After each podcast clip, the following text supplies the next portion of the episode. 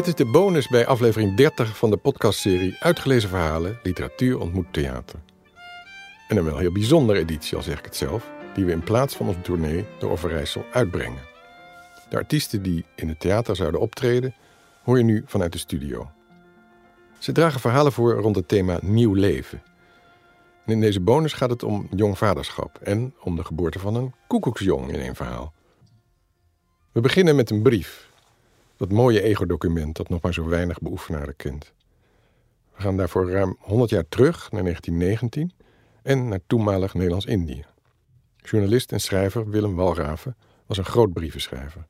Inhoudelijk, omdat hij geen thema schuwde, en kwantitatief, omdat vrijwel elke brief vele gedrukte pagina's beslaat in de door zijn neef Frans Schamhart verzamelde epistels.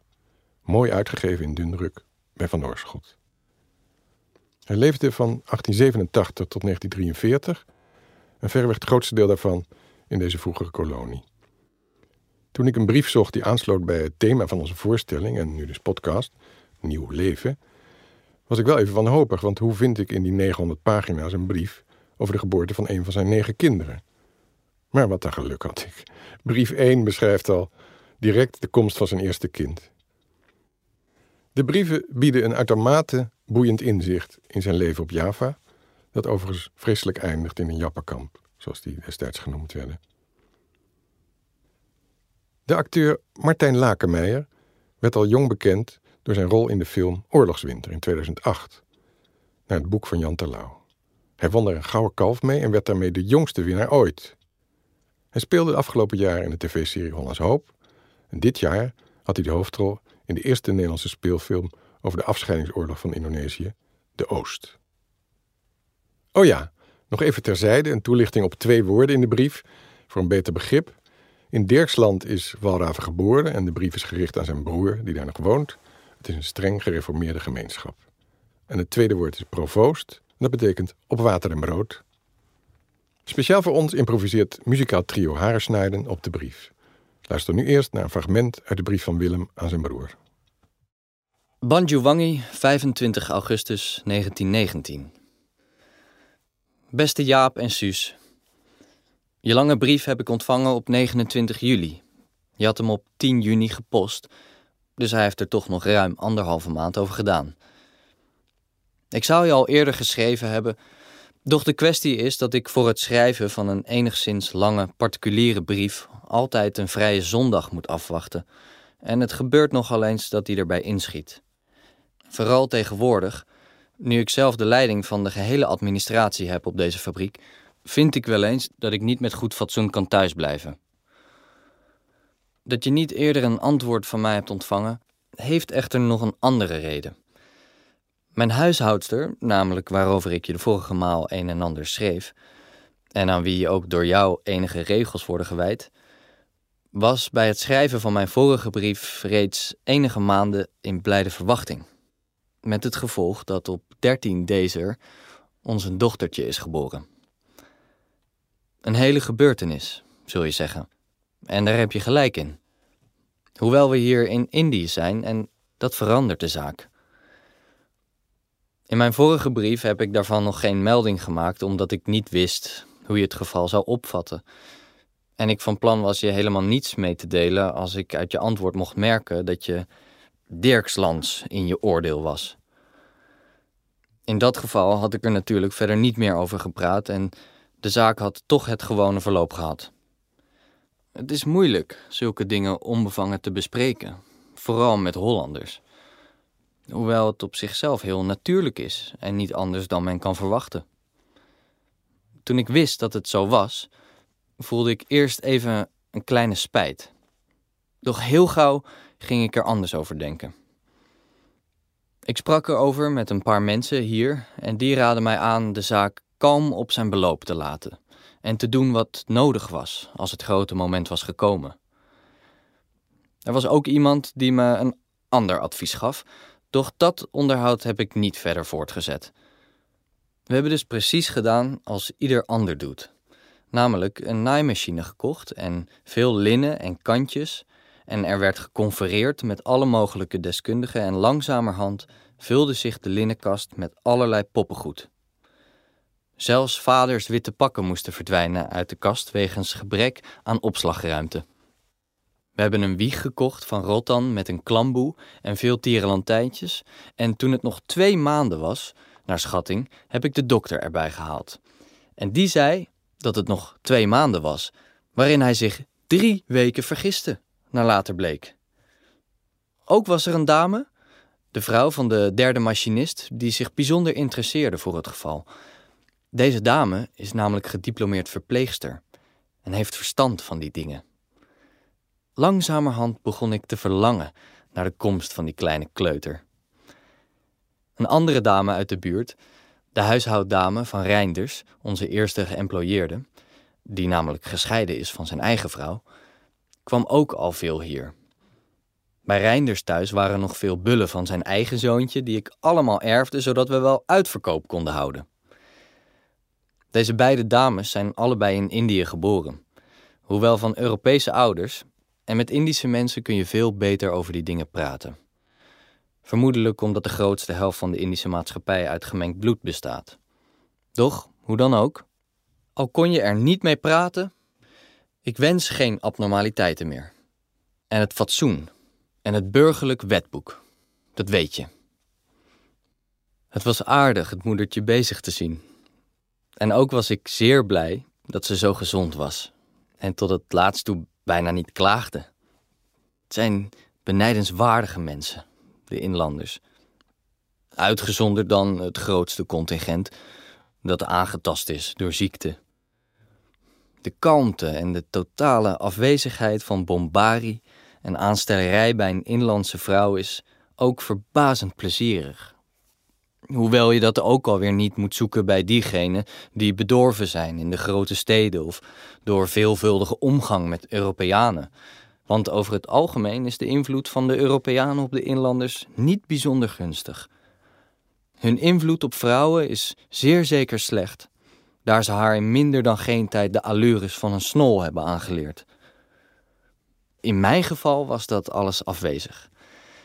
Ik heb het buitengewoon getroffen met dit meisje. Zo vroeg ik haar of ze niet liever trouwen wilde. Maar ze zei dat ze niet inzag waarom ik met haar trouwen zou. Als ik haar niet meer wilde hebben, dan zou ze wel weggaan. Maar voor het kind moest ik zorgen. Want dat was een Europees kind en dat kon niet naar de kampong gaan. Iedere avond gingen we een eindje wandelen, omdat de dokter had gezegd dat dat zo goed was. En onder de wandeling liep ze dan maar op haar kinderlijke manier over alles en nog wat te praten, vol trots dat ze met mij mocht lopen. Want nu kon immers iedereen zien dat haar kindje werkelijk een vader had. Van burgerlijke stand hebben ze geen begrip en daaraan hechten ze ook geen waarde. Ze huldigen het zuivere standpunt: een kind heeft een vader en een moeder en beide moeten voor het kind zorgen. doen ze dat niet, dan zijn ze slecht. Verder gaat hun filosofie van het huwelijk niet. Op de morgen van de dag dat het kindje geboren werd, belde ik op kantoor de dokter met het verzoek eens bij mij thuis te gaan kijken. Want het vrouwtje had de hele nacht gekreund en gekermd en over pijn geklaagd. Ik had geen erg dat het kindje geboren zou worden, want het was immers nog drie weken. De dokter kwam tegen twaalf uur, zoals dokters gewoon zijn, geen haast, en zei dat het kind s'avonds zou komen. Even over twaalf kwam ik thuis en vertelde ze mij dat de dokter was geweest en wat hij gezegd had. Ik had er niet veel verstand van, maar ik zag wel dat ze vreselijk pijn had en ze kneep me blauwe plekken in mijn arm. Ik maakte me los van haar en ik waarschuwde mevrouw Molenaar, de verpleegster, die dadelijk kwam en die nog geen kwartier in huis was of het kind werd geboren. We waren maar met ons beiden, want ik hield de bediende buiten. Javanen zijn toch te zenuwachtig bij zo'n gelegenheid. Later hebben die zich onderscheiden, toen het kindje eenmaal geboren was. Vooral onze oude baboe, die op haar matje voor de deur van de kamer sliep gedurende de eerste nachten na de bevalling. De dokter kwam toen de kleine er al was, doch al het andere nog gedaan moest worden. Het was gelukkig alles goed in orde en een half uur later sliep het kindje al rustig in haar bedje. Ik ben naar de assistent-resident gegaan om de zaak in orde te maken alsof het niet al in orde was. De assistent-resident heet Renardel de Lavalette. En ik wantrouw alle mensen met een dubbele naam. Die zijn me te christelijk historisch. Bij het korpsje niet roepen was een majoor met een dubbele naam, die iemand met een vriendelijk, lachend gezicht veertien dagen provoost gaf. En dan soms nog daarbij opmerkte, tot meerdere stichting van een delinquent: Het is God die je straft, soldaat, niet ik. Zijn mans naam was De Gaai Fortman en hij is uit een beroemde Amsterdamse domineesfamilie. Het was een zeldzame huigelaar.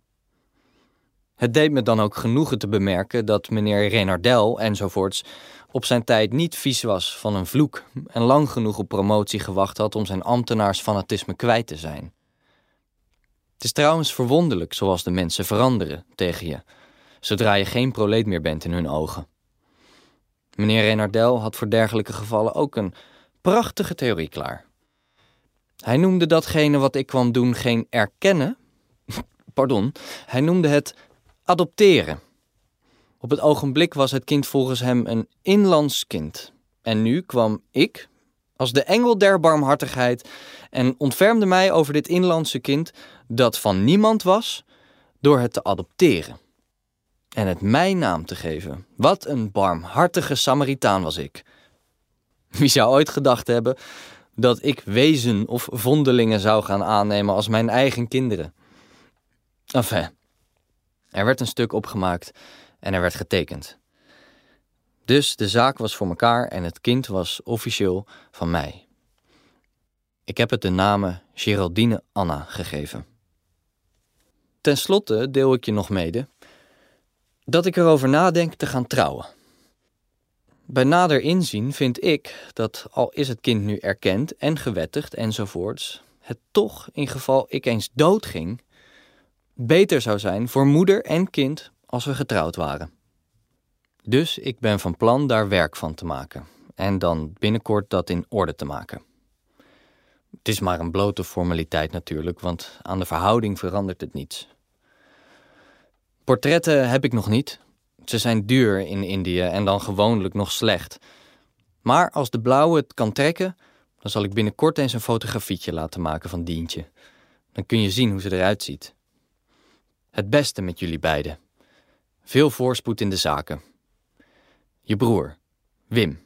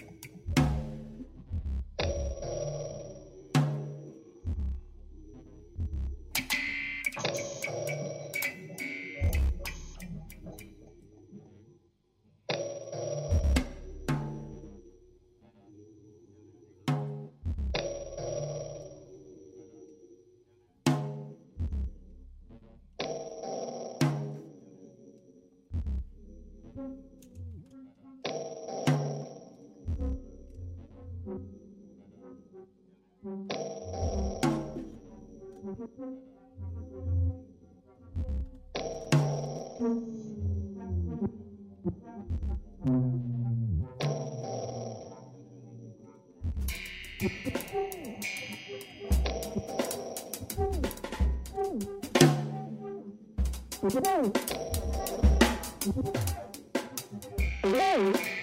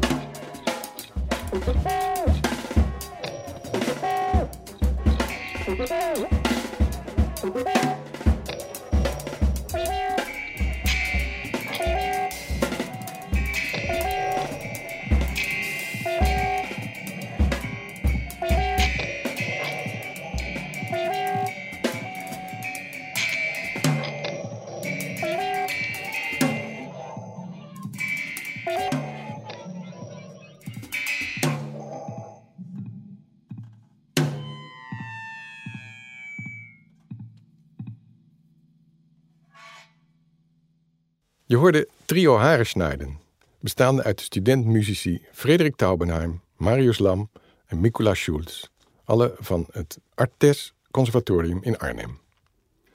Het tweede verhaal hoor je voorgelezen door de auteur zelf.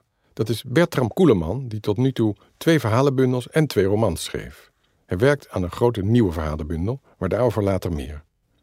Recensent Mirjam Pieters schrijft op het literaire weblog zoom.info aanhalingstekens openen.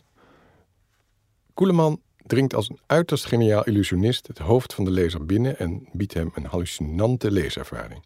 Einde citaat. Ik heb daar niks aan toe te voegen. Na een nieuwe improvisatie van het trio Harensnijden spreekt journalist Vincent Corjanus na met de schrijver.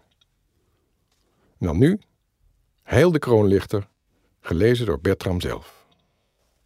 In de gloeiende kern van de aarde, waaraan de voorwaarden van het leven niet kan worden voldaan, werd de kroonlichter geboren. Zodra lichaam en geest een eenheid vormden en hij wist wat zijn missie was, maakte hij zich los uit zijn helse omgeving en begon aan de tocht naar boven. Hiervoor beschikte hij slechts over de instrumenten die de natuur hem had gegeven. Gravend en bijtend en stotend baande hij zich een weg. Door vuur en ijs, door lava en zand ging de kroonlichter. Op het zesde uur van de zesde dag van de zesde maand, tien kilometer onder het aardoppervlak, groef hij een grot.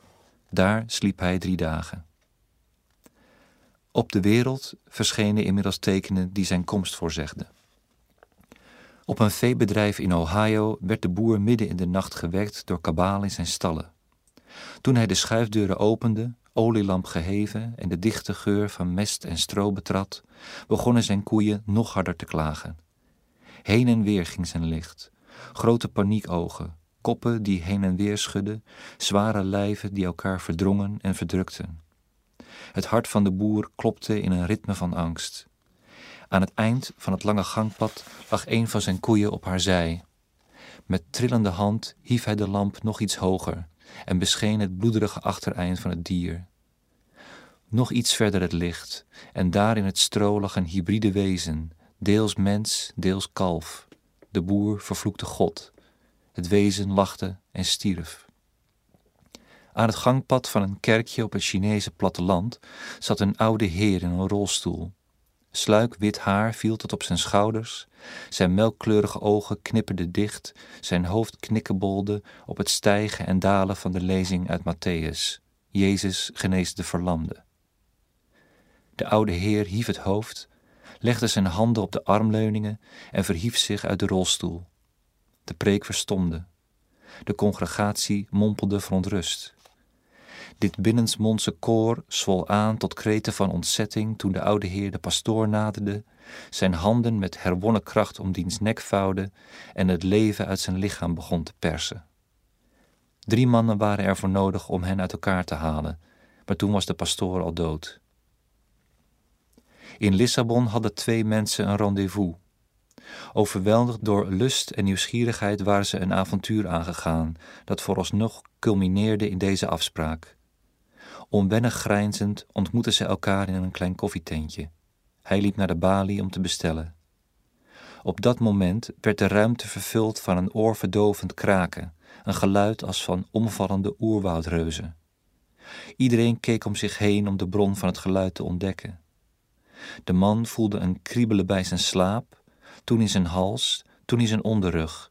En toen hij haar blik weer zocht, vond en de angst en verbijstering in haar gezicht zag, keek hij langs zijn lichaam omlaag en zag dat er barsten in hem waren ontstaan, bliksemende groeven als in uitgedroogde grond. Met een blik van diepe droefheid reikte hij naar haar, nam een enkele stap en viel in stukken uiteen.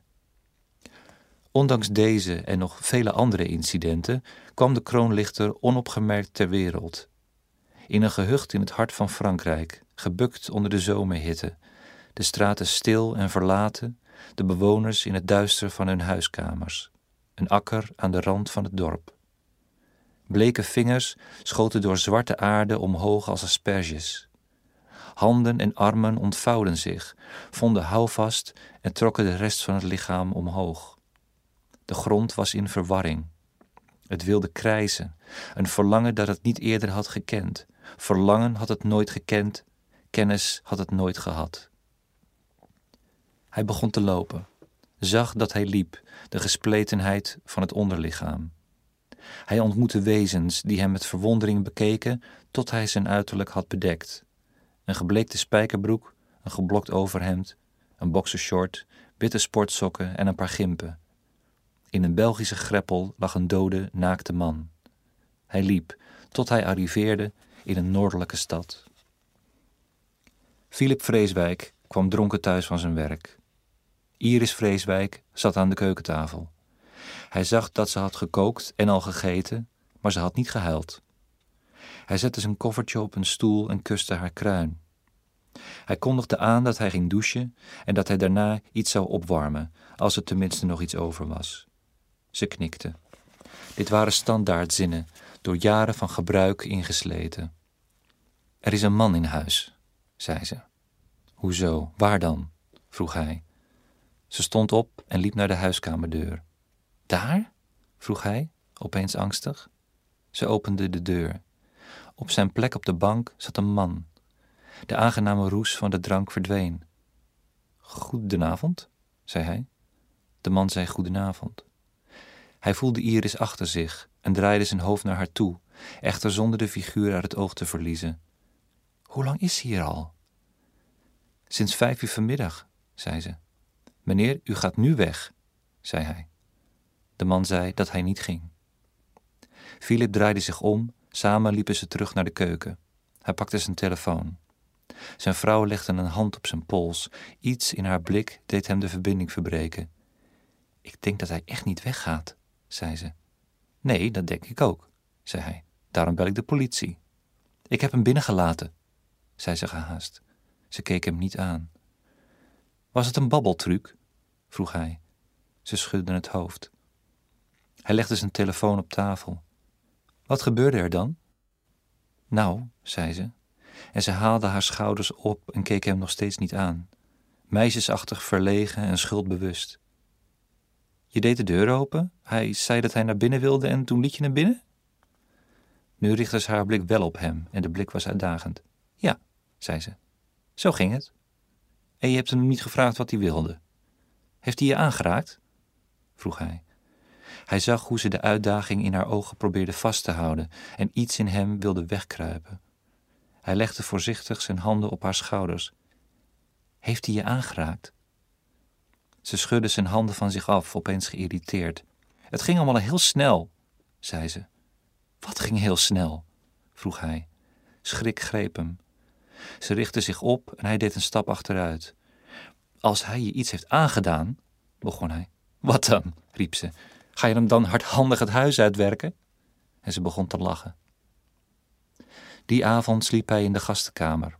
Althans, hij lag op zijn oude twijfelaar in de gastenkamer en luisterde naar geluiden uit het huis. Zijn vrouw sliep. De man op de bank in de huiskamer. Voor zover Philip wist, sliep hij ook. Op een avond, vier maanden later, zaten ze aan de keukentafel. Iris zat tegenover hem met een roman waar ze niet in las.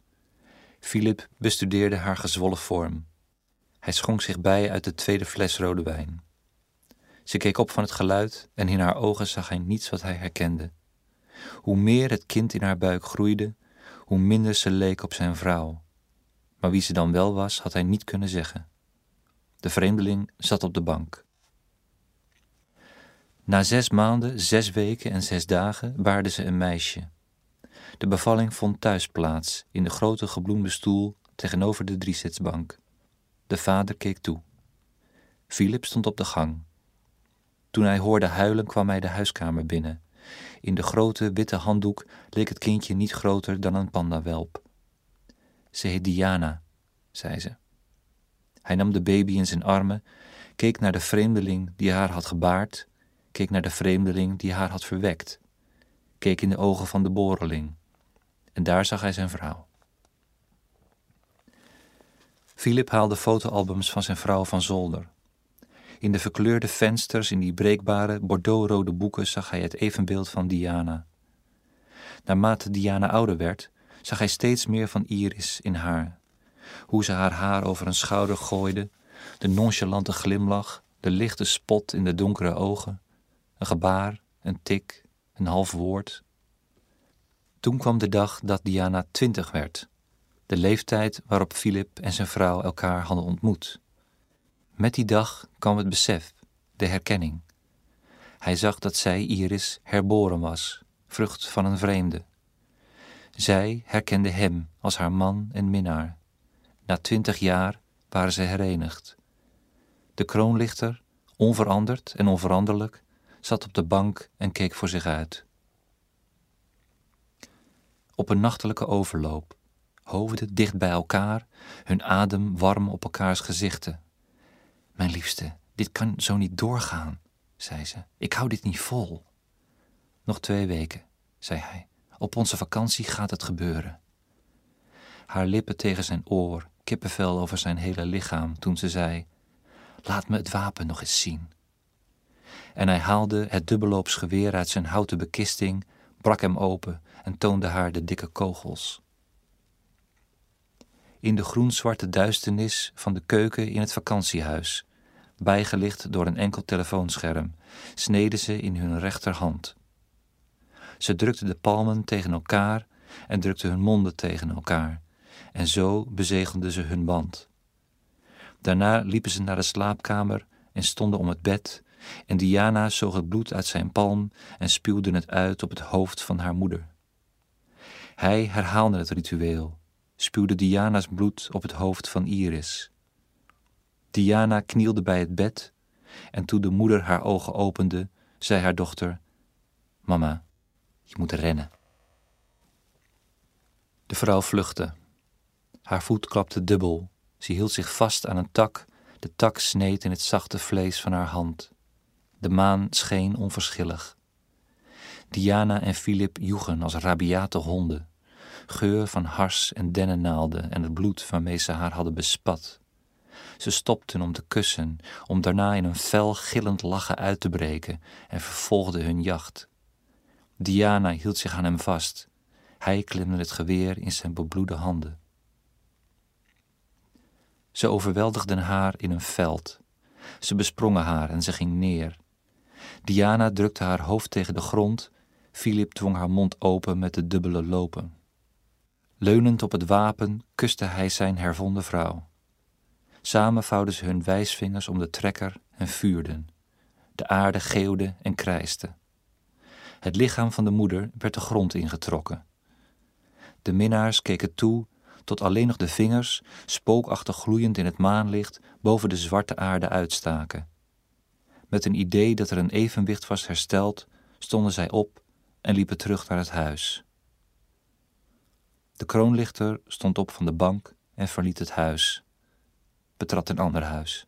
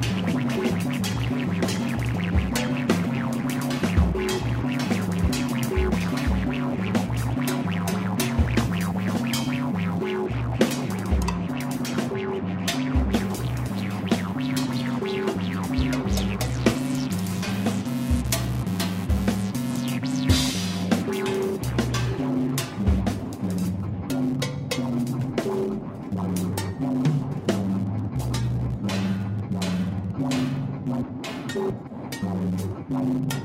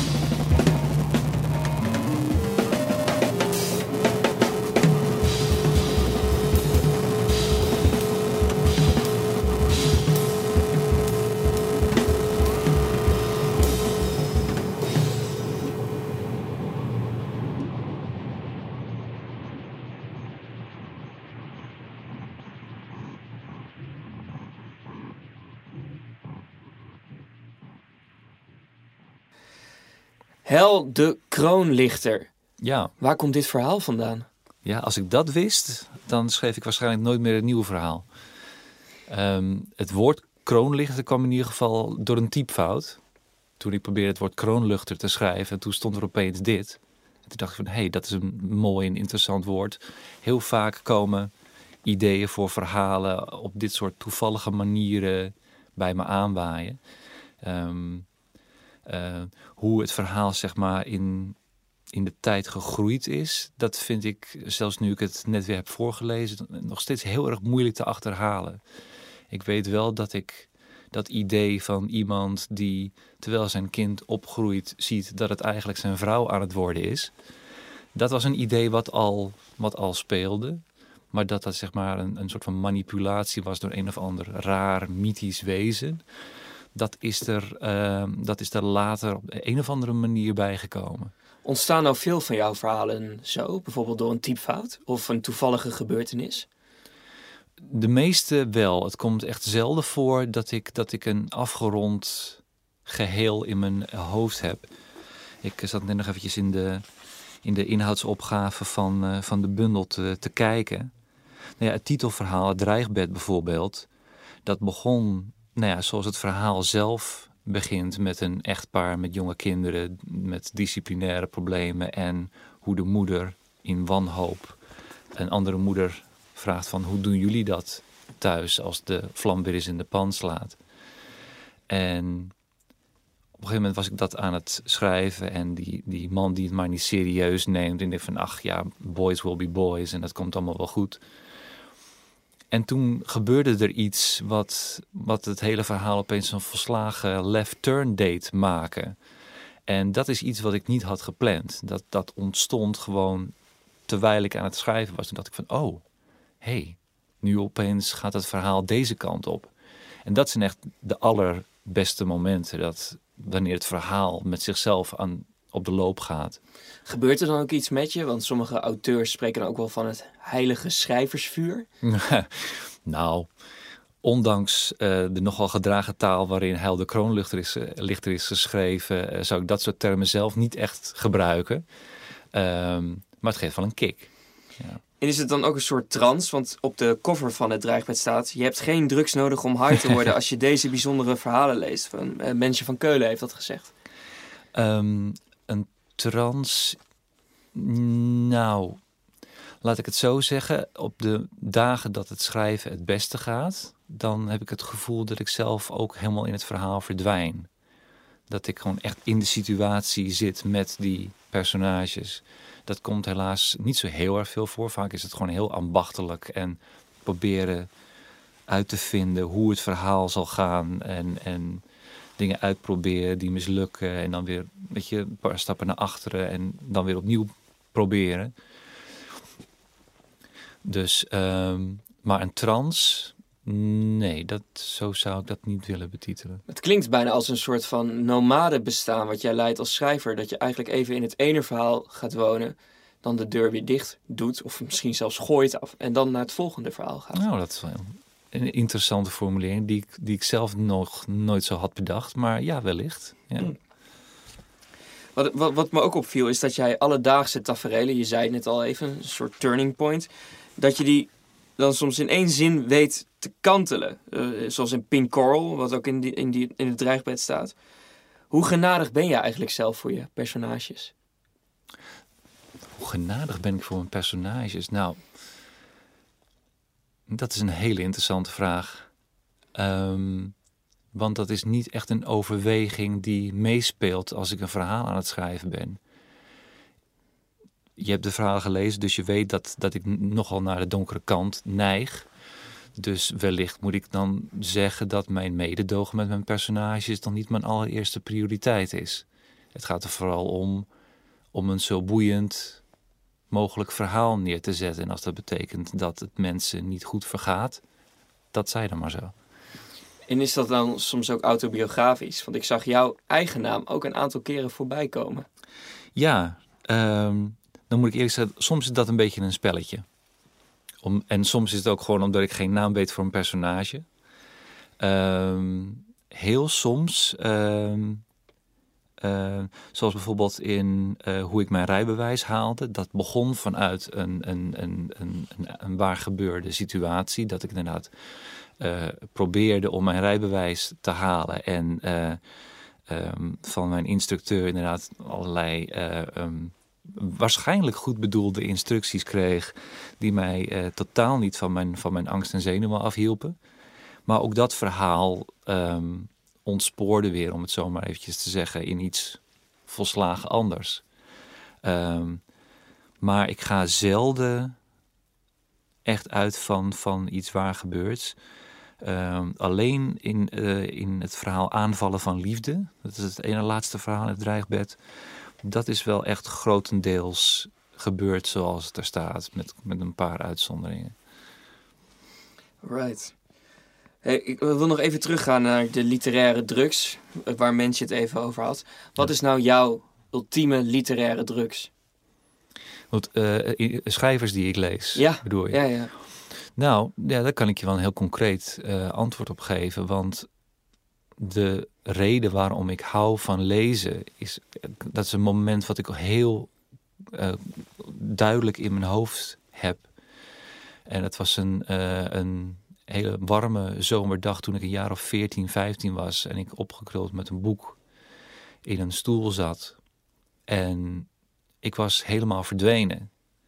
Ik was, een, ik was weliswaar fysiek een boek aan het lezen, maar zo voelde het niet. Ik was gewoon door een tekst heen gevallen.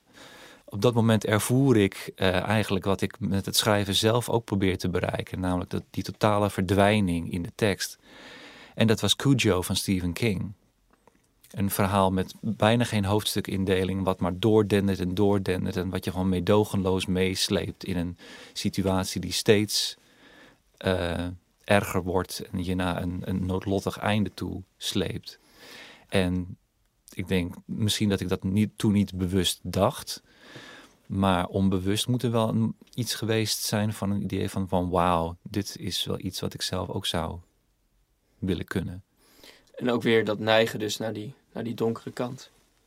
Ja, op de een of andere manier.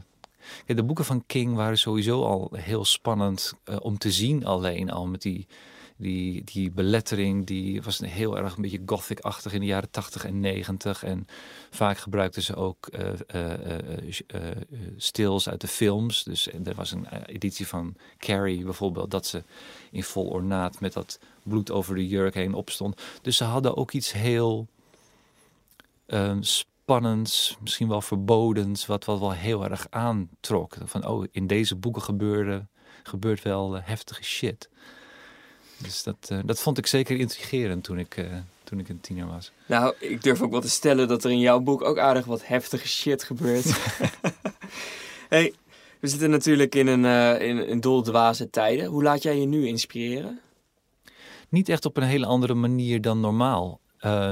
in zeg maar begin vorig jaar, toen het net begon, toen was ik wel vrij angstig. Um, ik werk in een boekhandel en ja, ik was gewoon heel erg panisch om, om, om uh, niet besmet te raken. Nu heb ik daar niet meer zo'n last van. Ik ben wel wat, wat rustiger geworden in dat opzicht. Maar ideeën voor verhalen zijn eigenlijk steeds op dezelfde manier uh, blijven komen. In het begin had ik wel, probeerde ik ook wel eens wat te doen met de actualiteit, maar dat gaat mij nooit goed af. Uh, of omdat ik me te veel aan iets stoor en dan gaat gewoon de emotie ertussen zitten. Of, of iets anders waardoor het niet lukt. Um, dus ik wist al vrij snel van ik moet gewoon bij mijn leest blijven en, en blijven doen wat ik doe. En dat, dat, dat werkt gewoon goed. Dat werkt gewoon goed. Kunnen we dan volgend jaar dan weer een nieuw boek van jou verwachten? Ik ben wel uh, uh, inmiddels weer bezig met nieuwe verhalen. Uh, maar de nieuwe bundel wordt wel wat ambitieuzer dan deze. Ik wil gewoon echt een hele grote verhalenbundel schrijven. echt om een statement af te, af te geven van de, de breedte van, van onderwerpen die ik aan kan. En, een statement? Ja, ik Kun je een tipje van de sluier geven? Nou, eigenlijk, en dit gaat heel uh, misschien een beetje uh, um, pretentieus klinken, maar eigenlijk wil ik een literair equivalent van de White Album van de Beatles schrijven. Zo. Met zo'n breed uh, palet aan genres en, en ideeën. Uh, maar dan op zijn Bertram Koelemans. Ik ben heel erg benieuwd. En ik wil je heel veel succes wensen. En dankjewel voor je tijd. Dankjewel. Columnist-schrijver Martin Bril schreef op zijn kenmerkende manier in de eerste jaren van het leven van zijn dochters veel en mooi over hun opgroeien. Dus ook over de geboorte van zijn eerste. Luister nu naar de lancering van het geluk Gelezen door Martijn Lakenmeijer. Het is tien voor half acht. Ik stik zowat in een boterham met pindakaas. Mijn vrouw is zo helder als een belletje na urenlang de ene wee na de andere. En nu gebeurt er niets. Volgens mij zitten we bovenop het kritische punt tussen ontsluiting en persen, als ik de boeken goed heb begrepen. Het kritische punt is een wankelpunt. Om duizelig van te worden, maar dat kan ook de verwarming zijn die op 35 graden staat. Of de patatwalm. Ondertussen draait de wereld alleen nog maar om wat er komen gaat. En er is geen ontsnappen meer aan. Meestal was er in ons leven tot nu toe nog wel de mogelijkheid beslissingen terug te draaien. Nu niet. Aan alles komt een eind. Ook aan vlerenfluiten. Ik bel de vroedvrouw nog maar eens om de stand door te geven. Ze zucht en zegt dat we maar naar het ziekenhuis moesten gaan. Ik bel een taxi en help de aanstaande moeder met aankleden, tas mee, nog gauw wat wortels erin. die worden in zulke duizelingwekkende hoeveelheden verorberd dat de vrezen valt dat het nageslacht rood haar heeft. En hup, daar is de taxi al. Een wonder. Taxis moeten juist te laat komen. Of helemaal niet. Of op het laatste nippertje, als de hoogzwangere min of meer bevallend, zich vasthoudend aan een lantaarnpaal, bezig is te werpen. Maar goed, er kan onderweg nog van alles gebeuren. Een weg vol kuilen kan inspirerend werken, bijvoorbeeld. Of er kan een ruzie gemaakt worden over de bekleding van de achterbank en of we geen handdoek mee hadden kunnen nemen of een stuk plastic vanwege al dat bloed. Voor de zekerheid heb ik dus een eh, theedoek bij me. Een blauwe met margieten erop. Een oudje, dat u wel. Daar gaan we. Het is een zachte ochtend. In de verte gromt de autobaan. Over het water ligt een dunne nevel en achter de vitrages bij de onderburen zie ik een gezicht bewegen. Bejaarden zijn er altijd vroeg bij. Klassieke Hollandse ochtend. Beetje winterig nog, maar ook al tintelend. Een ochtend zoals ik er duizenden heb gekend. Maar toch is dit de eerste. The first day of the rest of your life, bedoel ik. En ik fluit dan ook de bijbehorende melodie terwijl ik mijn vrouw de auto inhelp. Ze ziet Pips, maar er kan een hoopvol lachje af. Alles komt goed. We rijden de straat uit. Het is alsof we wegrijden van een huis waar we nooit meer terug zullen komen. Het gevoel van een verhuizing. Nog één keertje omkijken en dan een tijdje niks zeggen. Lekker piekeren over alles wat er in dat huis is gebeurd en wat nu de toekomst weer brengen zal. Het is druk, de ochtendspits is in volle gang. Chauffeur heeft de hele nacht gewerkt en meldt monter dat wij zijn laatste ritje zijn. Hij rookt zware van Nelle en laat zijn radio goed schallen. Koos Alberts. Die heeft het ook niet makkelijk in zijn rolstoel. Mijn vrouw ondersteunt haar buik, die geheel zelfstandig onder haar jas heen en weer ligt te golven. Verder kijkt zij sereen voor zich uit. Het is een mooi moment om haar hand vast te houden. Vijf minuten later hebben we ruzie. Waar moeten we eigenlijk heen?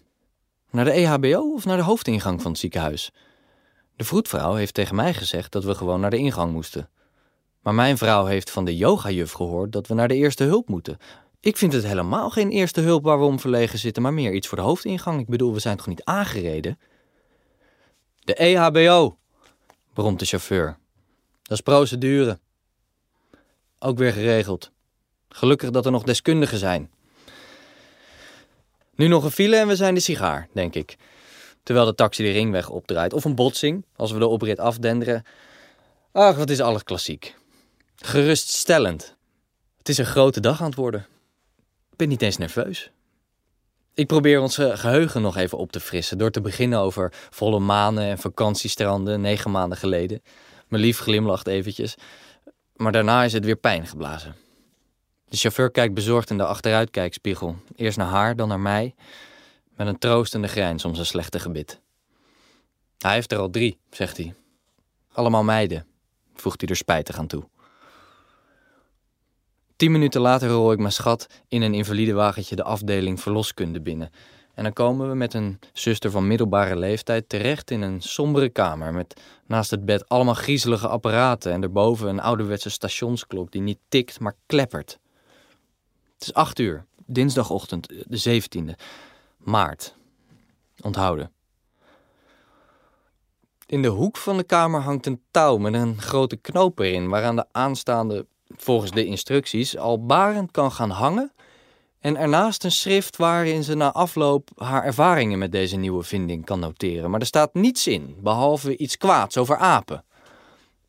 Daar wordt de uitvinder van het touw niet rijk van. Ziet eruit als die touwen bij apenkooien vroeger op school. Alleen hier is het één touw, met die hopeloze knoop onderin. Hier en daar bladdert verf van de muur. Mooi, al die gezondheidszorg. Ik begin me nu behoorlijk ongewenst te voelen. Mijn vrouw die schreeuwt en tiert dat het een aard heeft en wil dat het kind eruit komt, maar ze wil niet op het bed gaan liggen, laat staan aan het touw gaan hangen. Dus wat nu? Een glaasje water? Er arriveren twee vroedvrouwen. Een guitige met appelwangen en een magere met piekhaar. Mijn schat hijst zichzelf en haar buik op het bed. Begint er nu toch op te lijken. Vroedvrouwen kijken en stellen vast dat de vliezen nog niet gebroken zijn. Kunnen jullie ze niet breken dan? Dat heb ik ergens gelezen. Jawel hoor, zegt de guitige, die nog in opleiding is. Makkelijk, zegt die andere, die supervisie doet.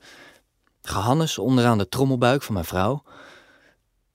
Je kunt het ook met je nagel doen hoor, zegt de supervisie laconiek, alsof we met z'n allen gezellig aan het oefenen zijn. Oh ja? Nog meer gehannes en gekerm. Ik heb niet zulke lange nagels, mompelt de opleiding. Nu komen er apparaten in actie. Plastic handschoenen en gaasverbanden. Mijn schat roept iets wat wanhopig klinkt. Maar de supervisie die roept deskundig iets terug, wat er gerust stelt. En het water wordt gebroken. Ik zie niks. Ook geen water. Nou ja. Buiten, achter de Luxaflex, een jumbo die het luchtruim inkruipt. Ik zie altijd vliegtuigen als ik mijn blik naar de hemel richt. Merkwaardig. De lucht is trouwens grijs. Maar het wordt zeker mooi weer vandaag. Het zonnetje hangt er al waterig achter. Supervisie stelt voor dat ik naast het bed ga zitten om het hoofd van mijn vrouw te ondersteunen. Dan kan ze beginnen met persen. Aha, er zit schot in de zaak. Jammer dat ik geen kapje voor mijn mond hoef of een medisch mutsje op. Dan gaat de deur open en een stoetmeisje streed binnen. Vroedvrouwen, in opleiding, op studiereis. Oh, nu moet ik helemaal geen modderfiguur slaan. Goed, het begint. En even later is het afgelopen. Echt waar! Ik voel het zweet van mijn vrouw langs mijn vingers haar rug afzakken en onder aanmoedigingen van alle aanwezigen verschijnt er een nieuw hoofdje tussen haar benen. Opleiding pakt het beet, begint eraan te sjorren, ik schrik met de pletter. En vervolgens houdt ze de complete spruit al triomfantelijk in de lucht. Een meisje. Nog wat aan de blauwe kant, maar al goed gezond en gillend als een biggetje. Voor het applaus. Tien over negen, zegt een van de dames. En ik zoen de mijne, die glimt van het zweet. De baby wordt op haar buik gelegd en onmiddellijk verandert mijn vrouw in een moeder. In één ondeelbare tel. Prachtig. Allemaal natuur. En het kind is duidelijk een wolk. De mooiste baby van de hele wereld. Tijd voor een sigaret. Zo, luisteraar. We zijn aan het einde gekomen van deze bonusaflevering van de podcastreeks Uitgelezen verhalen, literatuur ontmoet theater. Vertel het aan je vrienden en familie. Dat is veel meer waard dan die algoritme van de Big Tech. Ik groet je en hoop tot een andere keer in je oren. En ik sluit af met onze subsidiegevers te noemen: de provincie Overijssel, gemeente Deventer en gemeente Enschede. Aan deze aflevering werkten mee Bertram Koeleman, Martijn Lakenmeijer, Vincent Corjanus, Willem Balraven, Martin Bril, het trio Haresnijden, bestaande uit de studentmuzici Frederik Taubenheim, Marius Lam en Mikola Schulz van Artes Conservatorium Arnhem, Huub Krom van Studio Orbit en Raoul Soentken van EdgeTip verzorgden de opnames. Dirk-Jan van Ittersum tekent voor de montage en de mastering van de audio. En de herkenningsmelodie is van Instant Classical, Amir Swaap, Sietse van Gorkom. Mijn naam is Pieter van Scherpenberg.